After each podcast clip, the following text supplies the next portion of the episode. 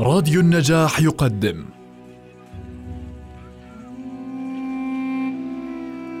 المسلسل الإذاعي صلاح الدين الأيوبي للكاتب وليد سيف والمخرج حاتم علي.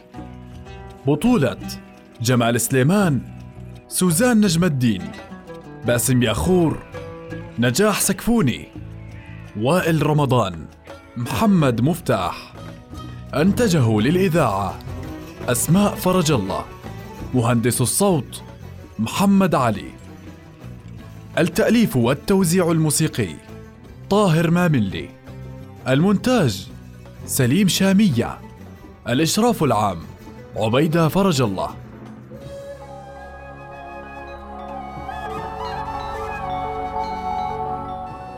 لو كان في هذا خير المسلمين فقد رضي الناس بك هنا.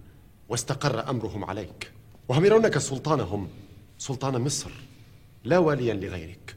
فإذا أخرجت منها وندب لها نور الدين رجلا لا يعرفونه كبر الأمر في نفوسهم وكرهوا أن تكون مصر مجرد ولاية لاحقة بالشام على عظمة سعتها وثروتها وعددها. وإنما رضوا أن تتوحد مع الشام وحدة الأكفاء وهذا غير الإلحاق والإتباع. ونحن حديثو عهد بهذه الوحدة. نريد أن نثبت أركانها ونرسخ بنيانها. وهذا لا يكون بين الملوك حتى ترضاه الرعية وتطمئن إليه وتؤيده فتحفظه لأن فيه حفظها. ولكني لا أحب أن أتهم بالأطماع عند نور الدين. وهذه مسألة أخرى ينبغي النظر فيها. فالرجل الذي يفرط بصالح الأمة كي لا يتهم بالطمع كالذي يفرط بها من أجل الطمع. كلاهما يفضي إلى المصيبة نفسها وإن اختلف الغرض. صدق القاضي الفاضل يا صلاح الدين. وأزيد عليه الآن هو نور الدين والآجال بيد الله فماذا بعده؟ ليس له غير ولد واحد يبلغ الحلم ونوابه في حلب أبناء الداية وفي دمشق ليسوا على قلب واحد. وابن أخيه سيف الدين غازي في الموصل قد عرف فسقه ولا يمنعه من إظهاره إلا الخشية من قوة عمه وتقواه. اذا أخرج إلى الكرك واحرص على تجنب لقائه ما استطعت إلى ذلك سبيلا. كان لي عذري في الشوبك فكيف يكون عذري هذه المرة؟ نسلم أمرنا لله ونسأله سبحانه أن يجعل لك منها مخرجا فتبلغ الغاية ولا تهلك المطية.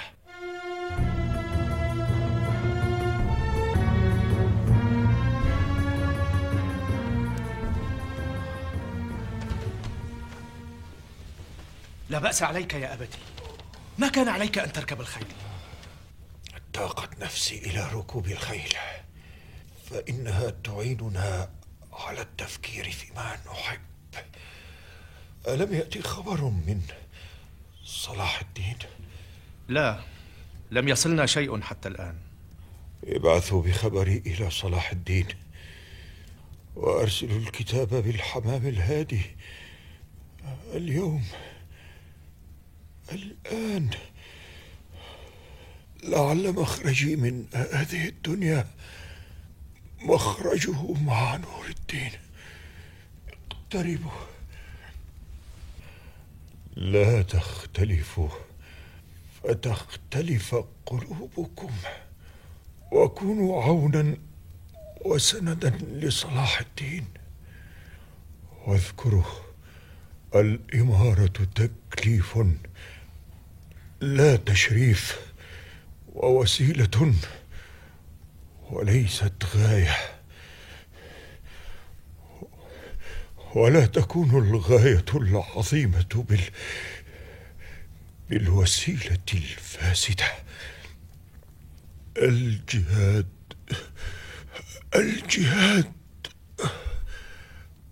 هذا هو إرثي وإرث عمكم اسد الدين وإني لاحق به. فادفنوني إلى جانبه.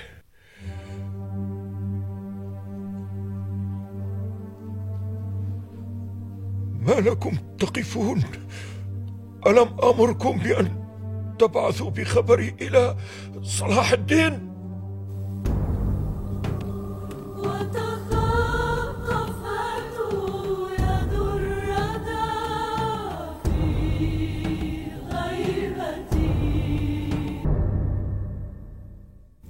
وفاة نجم الدين زادتني انشغالا على مصر. كان ضماني الأول فيها. أعول على حكمته واعتدال مزاجه في تصويب الرأي وكبح الجموح ورد الجنوح إذا حدث. والآن على عظم المصاب بنجم الدين فما كان لصلاح الدين أن يرجع عن الكرك بغير إذني وقبل أن يلقاني. فقد كان قد وصله نبأ اعتدال أبيه لا موته فقد لبث في علته أياما قبل وفاته.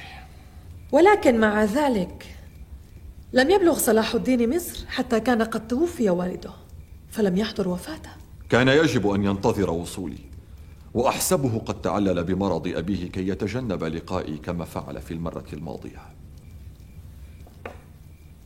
ألا تدعوه إلى دمشق؟ إذا أحياني الله للربيع القادم فسوف أذهب بنفسي إلى مصر وأقطع الشك باليقين إذا خرجت إلى مصر فهل أصحبك؟ أحب أن أرى القاهرة فلطالما سمعت عن جمال عمرانها وطيبة أهلها لا أذهب هناك للتريض والنزهة وما عليك لو انشغلت أنت بأمور الدولة وتريضت أنا هناك وهل يضر أن يروح الإنسان عن نفسه ساعة؟ كأنك تقضين العمر في الكدح والمكابدة وعلى كل حال لا ندري ما يفعل صلاح الدين إذا عرف أني أريد القاهرة ماذا لو امتنع بها عني؟ هل ترى هذا ممكنا؟ أرجو أن لا يكون. إن لم أصحبك فلا أقل من أن يصحبك إسماعيل. لقد آن الوقت لأن يسير في ركابك ويشهد الأمور عن قرب ليتدرب على شؤون الحكم. فإذا بلغ الرشد كان خير من ينوب عن أبيه في مصر. فلا يكون عليك أن تشغل خاطرك في الظن والحيرة.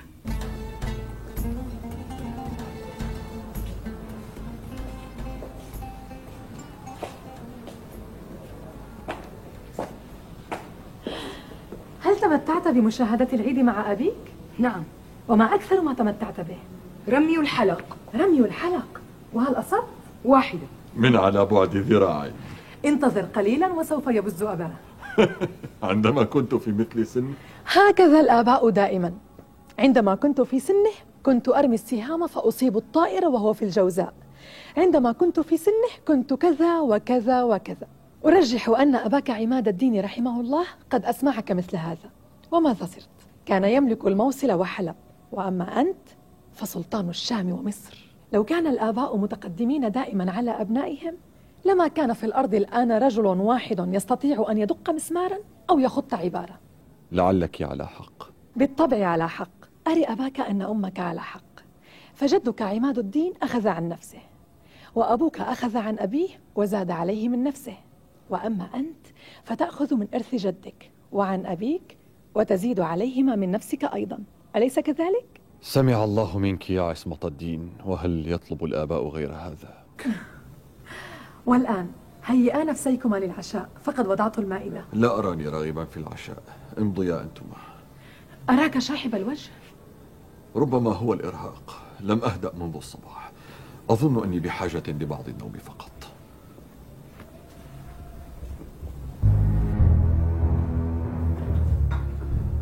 تستطيعان إخباري.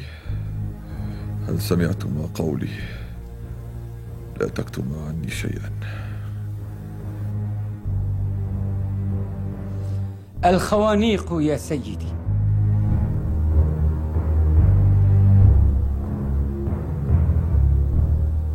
هل أنت على يقين؟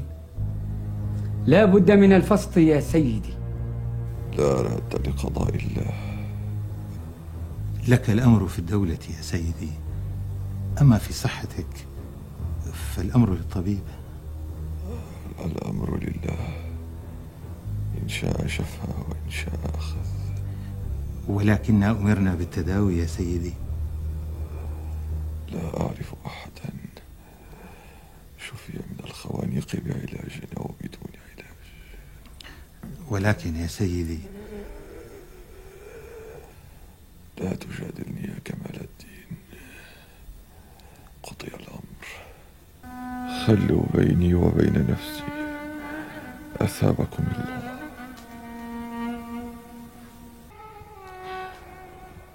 فداك نفسي يا محمود. يا أعظم الرجال وأجمل الرجال.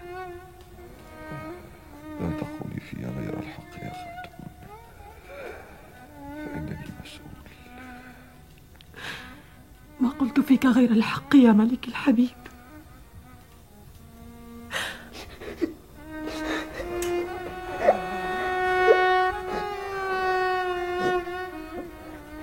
لا يليق هذا بأبناء زنكي. وأنت مقبل بعد على أمر عظيم. فاجعل الجهاد وبيت المقدس نصب عينيك. وليكن هذا المعيار الذي يقاس به الأمراء من حولك. فلا أدري ما يحدثون من بعدي. وصلاح الدين أفضلهم. على ما جرى بيني وبينه من الجفاء. ولكننا نقدم من قدم الله ما يصلح حال المسلمين وما يحفظ سنة الجهاد والغاية المرجوة. وهذا المنبر الذي صنعته للأقصى في حلب لعله ينوب عني. ويشهد لي عند رب الأقصى. فإذا رآه الناس في مكانه جيلا بعد جيل ذكروا من صنعه مثل ما يذكرونه من شاء الله أن يضعه في مكانه الذي صنع له. فيدعون لي بالخير ويشهدون لي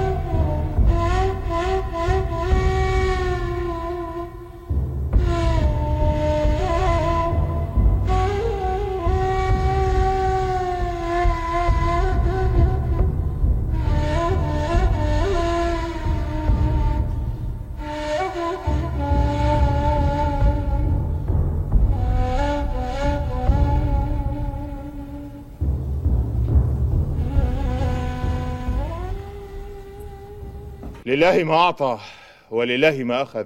رحم الله الملك العادل وأحسن عوضنا فيه. إنا لله وإنا إليه راجعون. ولا حول ولا قوة إلا بالله العلي العظيم. ينبغي ألا يصرفنا الحزن عن تدبير أمر الدولة. وإن لم نفعل اختلت الأمور واضطربت الأوضاع. وهذا ما لا يرضاه الملك العادل رحمه الله. ونحن أعيان دولته في دمشق. وأولى الناس بحفظ ولده وتدبير الدولة له. ونعلم أن صاحب الموصل سيف الدين غازي ابن أخي نور الدين يتطلع إلى الأمر وهو على ما نعلم من الفسق والفجور وضعف الرأي. وأبناء الداية في حلب يرون أنفسهم أحق الناس برعاية الملك الصالح إسماعيل وأتبكيته لأن حلب كانت مدينة الملك العادل قبل دخوله دمشق ولأن أخاهم مجد الدين بن الداية كان أخ نور الدين في الرضاعة. والرأي أن تجتمع كلمتنا الآن على حفظ الملك الصالح إسماعيل فنكون الأوصياء عليه ونوزع بيننا أعمال دولته. فإذا وقع الاتفاق أخرجناه إلى الإيوان وأجلسناه على الدست وحلفنا له أمام الأمراء. ذكرت أولئك الأمراء ولم تذكر صلاح الدين. هو في مصر وهو النائب عن سلطان مصر والشام. فما نقره ونتفق عليه هنا كان عليه أن يرضى به وإلا. وإلا ماذا؟ هل نستفتح عن الصالح بالنزاع والفرقة؟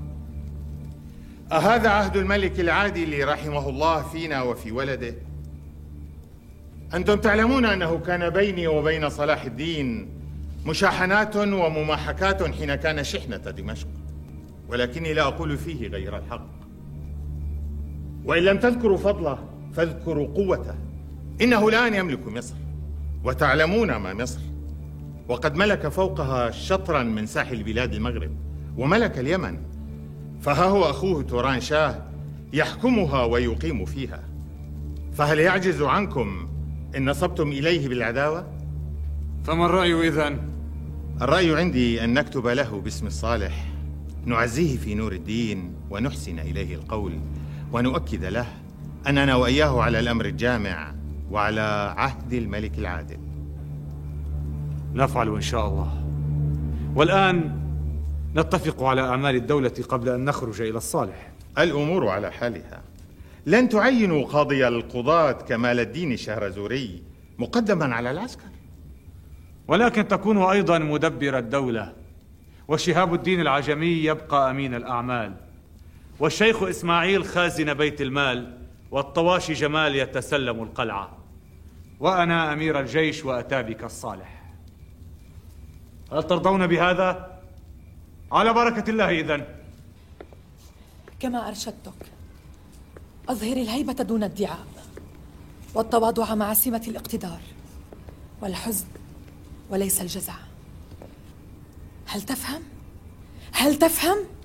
هيا الناس ينتظرونك ماذا تفعل؟ هكذا أخرج للناس آه!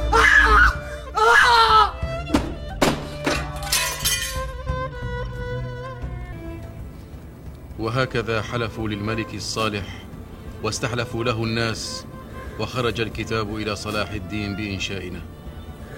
وما كان اعتماد مولانا العادل عليكم وسكونه إليكم إلا لمثل هذا الحادث الجلل. فما فقد رحمه الله إلا صورة. والأصل باق. وهل غيركم دام سموكم من مؤازر؟ وهل سوى السيد الأجل الناصر من ناصر؟ وقد عرفناه المقترح ليروض برأيه من الأمر ما جمح. والأهم شغل الأعداء عن هذه الديار بما صح من عزمكم وعرف من صدقكم. ولا ريب أنكم تجرون على العادة الحسنى في إحياء ذكر الوالد عندكم بتجديد ذكرنا راغبين في اغتنام ثنائنا وشكرنا. إسماعيل بن محمود. ما شاء الله ما شاء الله. من هو ابن المقدم هذا حتى يستأثر بأتابكية الصالح دوننا ويجعلنا له تبعا؟ هذه مدينة آل زنكي وهنا عصبة الملك العادل. ونحن أبناء الداية أحق الناس برعاية ولده وتولي أتابكيته. لا والله لن أرضى حتى نأتي بالصالح إلى حلب فتكون عاصمة ملكه وندبر له شؤون دولته. فإن لم ينزلوا عنه بالحسنى أنزلناهم بالسيف وليكن ما يكون. هل لكم بمن يأتيكم به؟ أن؟ أنا نعم. ولكنك جديد في خدمتنا. وأحرى بالجديد أن يجتهد لإرضاء أمرائه وإثبات كفاءته. أعدكم أني سآتيكم به. وكان الفرنجة لما علموا وفاة نور الدين اجتمعوا وساروا إلى قلعة بانياس وحصروها. فجمع الأمير شمس الدين بن المقدم عساكره وخرج من دمشق للقاء الفرنجة. فراسلهم ولا طفى ثم شدد عليهم القول إن أنتم صالحتمونا وعدتم عن بانياس فنحن على ما كنا عليه. وأن أبيتم ذلك أرسلنا إلى سيف الدين صاحب الموصل وصلاح الدين صاحب مصر نستنجدهم ونطلب بلادكم من جهاتها كلها. فلا تقومون لنا. أنتم تعلمون أن صلاح الدين كان يخاف أن يجتمع بنور الدين. أما الآن فقد زال ذلك الخوف. وإذا طلبناه إلى بلادكم لن يمتنع مم. هل تفضلون مجاورتنا أو مجاورة صلاح الدين؟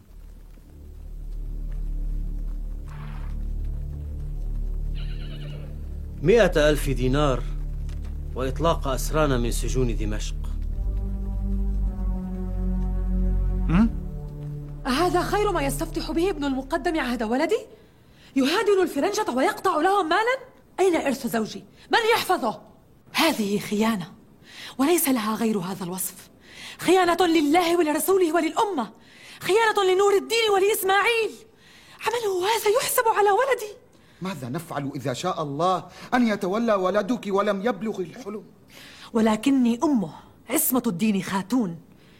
ولن أسمح لهؤلاء الصغار أن يعبثوا بعهده وبإرث أبيه. والله لقد هممت أن أخرج إلى ابن المقدم هذا فأصغره على ملأ من الناس. فإن لم يكن أهلا لأن يرد الفرنجة بالسيف عن بانياس كما كان يفعل سيده ووليه. فلماذا إذا يتصدر لقيادة العسكر والأتابكية؟ والله ما هدنهم إلا خوفا من صلاح الدين. صلاح الدين صلاح الدين. والله ما يبلغون شأو ركابه. وليته كان هنا ليقوم على أمر ولدي ويحفظ سنة نور الدين. ولئن تأخر لأكتبن له. الآن تتبين حكمة أبيك رحمه الله حين نصحك ألا تغاضب نور الدين ولا تنزل عن مصر في الوقت نفسه. كانت الشام ضمانة مصر أيام نور الدين والآن تصير مصر ضمانة الشام في أيامك. لماذا يحدث هذا؟ لماذا إذا ذهب الرجل العظيم تكاثرت الضباع من حوله حتى لا توشك أن تذهب بكل ما قضى عمره فيه؟ بعد كل الذي بذلناه في توحيد مصر والشام وبعد أن صرنا قاب قوسين من القدس أنشئ يا عبد الرحيم. أنشئ كتابا فاضليا يذكر الغافل وينبه النائم ويوجع ولا يميت.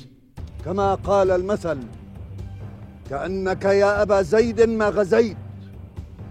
ما كاد نور الدين يذهب حتى ظهر الشقاق والنفاق. هدنة وقطيعة للفرنجة يعقبها مكوس جديدة علينا. فكأننا لا أرضا قطعنا ولا ظهرا أبقينا. هل تذكرون مجير الدين أبق؟ هذا الذي قيل فيه ما أشبه الليلة بالبارحة. تشابهت صدورهم فتشابهت ألسنتهم وأفعالهم. ولكن باطل أبعد نور الدين نرضى بالظلم والخيانة؟ لا. كما نصرنا نور الدين وانتصرنا به نفعل مع صلاح الدين. نكتب إليه ونستكتب له فضلاء دمشق كي يستعجل المجيء إلى الشام ليبطل أسباب الفتنة قبل أن تتفاقم. نسمع صوتنا لابن المقدم وأصحابه ليعلم صوت عزيمتنا وأنه إذا قدم صلاح الدين فسوف يجد أهل دمشق كلهم في انتظاره. فلم يبذل أهل دمشق دماءهم مع نور الدين في قتال الفرنجة لكي تهان وتبتذل وتذهب سدى من يظن نفسه صلاح الدين هذا حتى يرسل إلينا يؤنب ويوبخ ويأمر وينهى ويؤكد أنه أحق برعاية الصالح وحفظ سلطانه. كأنه السلطان دون السلطان وما هو إلا شاب أسعفه الحظ وواتته الفرصة. الحظ؟ فما هو الحظ الذي أسعفه؟ إن كان الحظ قدر الله السابق فمن أنت ومن أنا حتى نتنازع في قدر الله. إن الله سبحانه وتعالى إذا أراد أمرا هيأ له أسبابه في ذات الرجل وفيما حوله. فهل رأيت رجلا أحمق ممرورا معتوها أسعفه الحظ فبز العلماء؟ وهل رأيت رجلا ضريرا أسعفه الحظ فكلما رمى بسهم أصاب هدفه دون المبصرين؟ الحظ. أما توبيخه فأنت جلبته عليك. كيف سولت لك نفسك أن تهادن الفرنجة دون أن تعتذر ببذل الوسع في الجهاد؟ أهذا عهد نور الدين؟ أهذا عهدنا إليك؟ سياسة. سبحان الله. هذا ما يقوله كل من هادن الفرنجة. سياسة. هذه الكلمة التي تطهر من كل الذنوب وتبرئ من كل العيوب وتبيح المحظور. سياسة. بئس هذه السياسة. أرجعتهم عن بانياس. أليس كذلك؟ ما أرجعتهم عن بانياس بالهدنة والمال إلا لتدخلهم من جديد في الحكم والقرار. إنهم يعرفون الآن أن فينا ضعفا واختلافا. فكلما رغبوا في إثارة جديدة خرجوا إلى أحد حصوننا. فإما أن يأخذوه وإما أن يأخذوا عوضه. فلا يرجعون عنه بخسارة. ونبوء نحن بغضب الله ومقت الأمة. لا يسعني الآن محاربة الفرنجة وصاحب الموصل يغزو ديار الجزيرة وأبناء الداية يتربصون وأخطر من هذا وذاك صلاح الدين. إن كنت تخشى صلاح الدين فما بلغت شيئا بفعلتك بل جعلت له سبيلا وحجة عليك. انزل إلى الأسواق واستمع إلى ما يقوله الخطباء في المساجد. إنك عندهم الآن بمنزلة مجير الدين أبق وصلاح الدين عندهم بمنزلة نور الدين. وبقية الحكاية معروفة فهل تريد أن تكرر خاتمتها؟ اللهم إني بريء من هذا اللهم فاشهد ابن المقدم لماذا هادنت الفرنجة؟ هل شاورت سلطانك؟ أنا الصالح إسماعيل بن نور الدين لا نريد أن نشغل مولانا بأمور نستطيع تدبيرها له فبما ينشغل؟ ها؟ بما ينشغل؟ باللعب مع الخدم؟ هكذا يفعل السلاطين؟ علمني ألست أتى بك والقيم على تربيتي؟ ربني ربي سلطانك العفو يا مولاي من الآن فصاعدا ترجع إلى سلطانك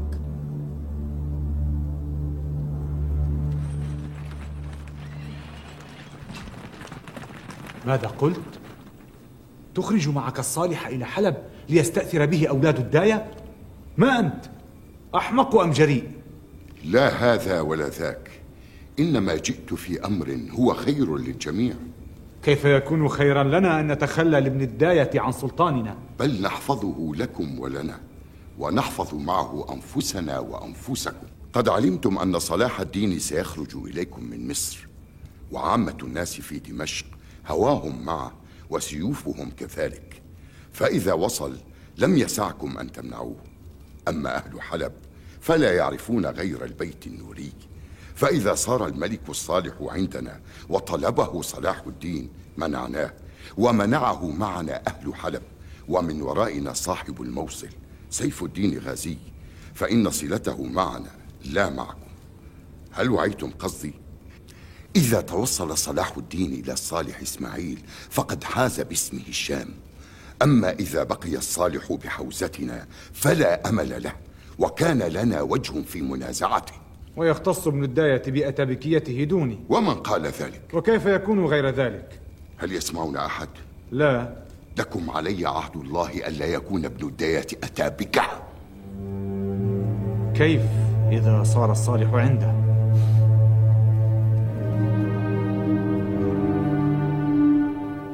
ولدي يخرج إلى حلب بعيدا عن نظري؟ لا يكون هذا وما زال بي نفس. هذا ما اتفق عليه الأمراء. حلب أمنع له من صلاح الدين. ومن قال إننا نريد أن نمنعه من صلاح الدين؟ قد ظهر فساد هؤلاء الأمراء وضعفهم. وأن يكون صلاح الدين قيما على ولدي فهذا خير لولدي وللأمة. عد إليهم وأخبرهم أنه لن يخرج من دمشق ومن دار أبيه وأمه. بأمر من؟ بأمري. أنت زوج السلطان المتوفى وأم السلطان الحاضر ولكنك امرأة امرأة وإن كانت أم السلطان لا رأي لها فيما يدبر لولدها عليها أن تقعد صامتة تودع بالدموع وتستقبل بالدموع ماذا يعرف هؤلاء عن المرأة والأم؟ بل ماذا يعرفون عن زوج السلطان وأم السلطان؟ هل يعرفون ما يدور بينها وبين زوجها السلطان إذا خلا إليها؟ أم يحسبون أنه لا يدخل عليها إلا لمتعته؟ هل يستمعون إذ يفضي إليها بهموم السياسة وأحوال الرجال؟ فتقترح وتشير وتخالف وتوافق وتقنع وتقتنع؟ هل يعرف هؤلاء الرجال هذا؟ نعم يعرفون لأنه يقع لهم ما يقع لغيرهم ولكنهم يتواطؤون على إغفاله وكأن الشيء الذي لا يسمى يكون معدوما فإذا دونوا التاريخ ذكروا أعاظم السلاطين والأعيان وأرذلهم وأما نحن فلا تذكر حتى أسماؤنا نحن الحاضر الغائب. لا بأس إذن. إذا كان هؤلاء يطلبون السلطان لأنفسهم بولد السلطان فأنا أمه أولى بسلطانه. ليت الأمر كما تصورين ولكن هؤلاء مدبرو الدولة في دمشق ولن فليأتوا إذن ولينتزعوه من بين ذراعي انتزاعا. قل لهم ذلك بل قل لهم هذا هو رأي السلطان نفسه. حقا؟ حقا هذا هو رأي السلطان؟ أخبر القوم أني قادم.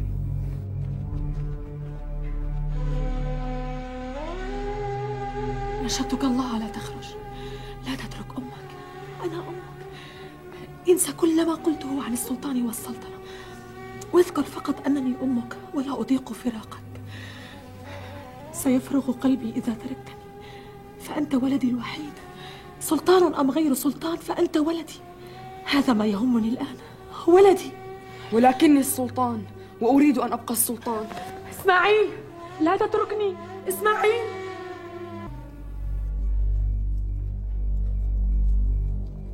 فعلتها. والله قد فعلتها. وهل خامركم الشك؟ أعطيتكم عهدي ووفيت به. ولكن ألا تحيون سلطانكم؟ العفو يا مولاي. قد غلب علينا الفرح بقدومكم حتى أغفلنا عن الواجب. تالله لقد سعدنا بقدومكم يا مولاي. قد وصلت أهلك وقومك وخدمك ومماليكك يا مولاي. أنت عندنا في عز ومنع. نحفظ منك عهد أبيك الملك العادل ولي نعمتنا. أنا خادمك ومملوكك شمس الدين بن الداية. وهؤلاء أخواي بدر الدين. والآن يحتاج مولانا إلى بعض الراحة بعد عناء السفر. آه نعم. اصحب مولاك واسهر على راحته نعم لقد وفيت بوعدك. وما ظننت أنك ستفلح. ستقص علينا ما جرى بينك وبين أمراء دمشق لاحقا. ولكنك بهذا أثبتت كفاءتك لنا وتستحق المكافأة. قد حصلت مكافأتي يا سيدي. ما هذا؟ وعدتكم أن آتيكم به وقد فعلت. أليس كذلك؟ ولكني لم أعد بأن تكونوا القيمين عليه وأن تنفردوا بأتابكيته الذي جاء به من دمشق أحق به أليس كذلك؟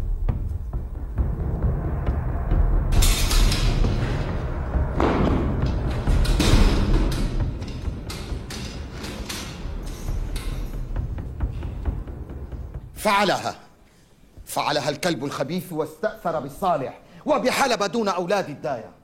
إذا كان قد خان أسياده فكيف يفعل بولدي؟ هوني عليك يا أختاه. كيف أهون على نفسي؟ فقدري ولدي ولدي الوحيد. صلاح الدين. لم يعد لنا إلا صلاح الدين. كل ما صنعه نور الدين صار نهبا للأفاقين. كل ما بناه يوشك أن ينهار فكأنه لم يكن. صلاح الدين وحده الكفيل بحفظ الحي والميت. لن يحفظ البلاد فقط بل سيحفظ زوجي الذي مات بجسده وبقي بسنته وعمله. ويوشك هذا أن يذهب أيضا. عاهدني بالله على ألا يكون ابن الداية هو أتابك الصالح. هذا ما عاهدني عليه وهذا ما فعل. لم يخطر لنا أنه يريد نفسه أتابكا. وهو بعد طارئ غريب وليس من الأمراء النوريين لا في حلب ولا في دمشق. وماذا ينفع الندم الآن؟ سبق السيف العذل. وهذا الذي خان أسياده واستأثر بالصالح سيكون أجرأ عليكم. فما يلبث أن يجمع لكم مع صاحب الموصل ليحوز دمشق ويخرجكم منها. فقد كان في خدمة صاحب الموصل قبل أن يلتحق بأولاد الداية. فما أنتم فاعلون. نقاتله. ما شاء الله. أقروا بالحقيقة. لقد خسرتم ثقة الناس حين هادنتم الفرنجة. وهذا سعد الدين كمشتكين. يمكن أن يحتج بها عليكم. ثم قصرتم في حفظ مولاكم. فما الذي أحسنتم فيه؟ فبما تشير؟ أعطوا القوس باريها قبل أن تصوب عليكم. صلاح الدين. نكتب إلى صلاح الدين كما كتب له أعيان دمشق وأهلها كي يأتي ويحفظ البلاد والعباد. إنه قادم على كل حال فاسبقوا إليه بالطلب. وإن لم تفعلوا فعلت أنا.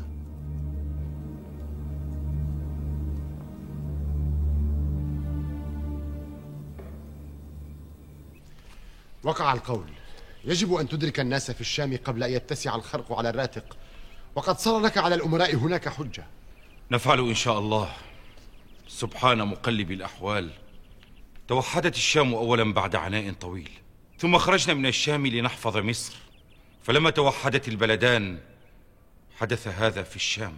فصار على مصر أن ترد للشام جميلها لعل الله سبحانه قد كتب لك أن يكون لك فضل الثانية كما كان لك فضل في الأولى. إنما الفضل لله يا عبد الرحيم. يؤتيه من يشاء. إنما نريد الثالثة في آخر الأمر يا عبد الرحيم. طرد الفرنجة وفتح بيت المقدس. رحم الله نور الدين. عاش حياته لهذه الغاية العظيمة. وصنع منبر الأقصى. رجاء يضعه بنفسه في مكانه. خير وفاء للرجل أن تكمل سعيه وتحقق رجاءه وغايته. تراه قد مات وهو غاضب مني يا عبد الرحيم. هذا أمر يؤرقني. إنه يعرف الآن. وكشفنا عنك غطاءك فبصرك اليوم حديد. رحمه الله. رحمه الله. ما عرفت رجلا مثله.